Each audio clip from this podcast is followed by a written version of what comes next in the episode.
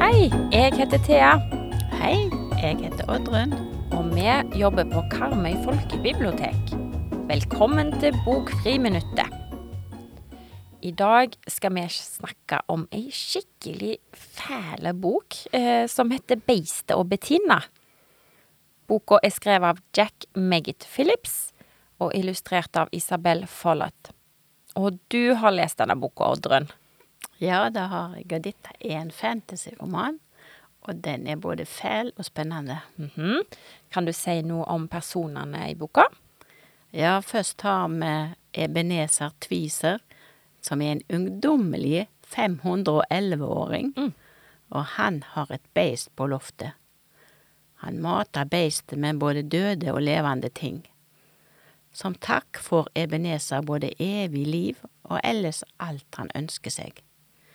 Men beistet blir stadig grådigere, og nå vil det ete et barn. Åh, dette høres veldig ille ut. Men eh, hvor skal han herre Ebenezer få tak i et barn, da?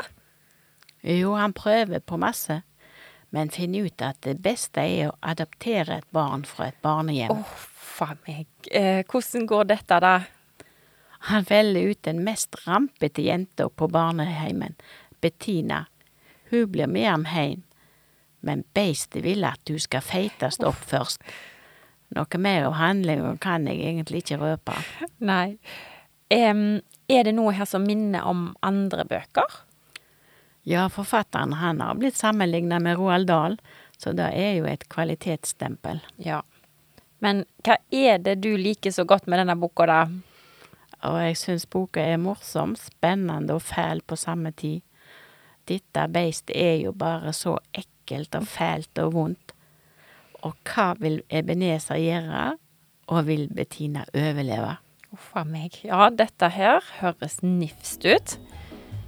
Men hvis du som hører på vil lese denne fæle og veldig spennende boka, så kan du låne den på Karmøy folkebibliotek.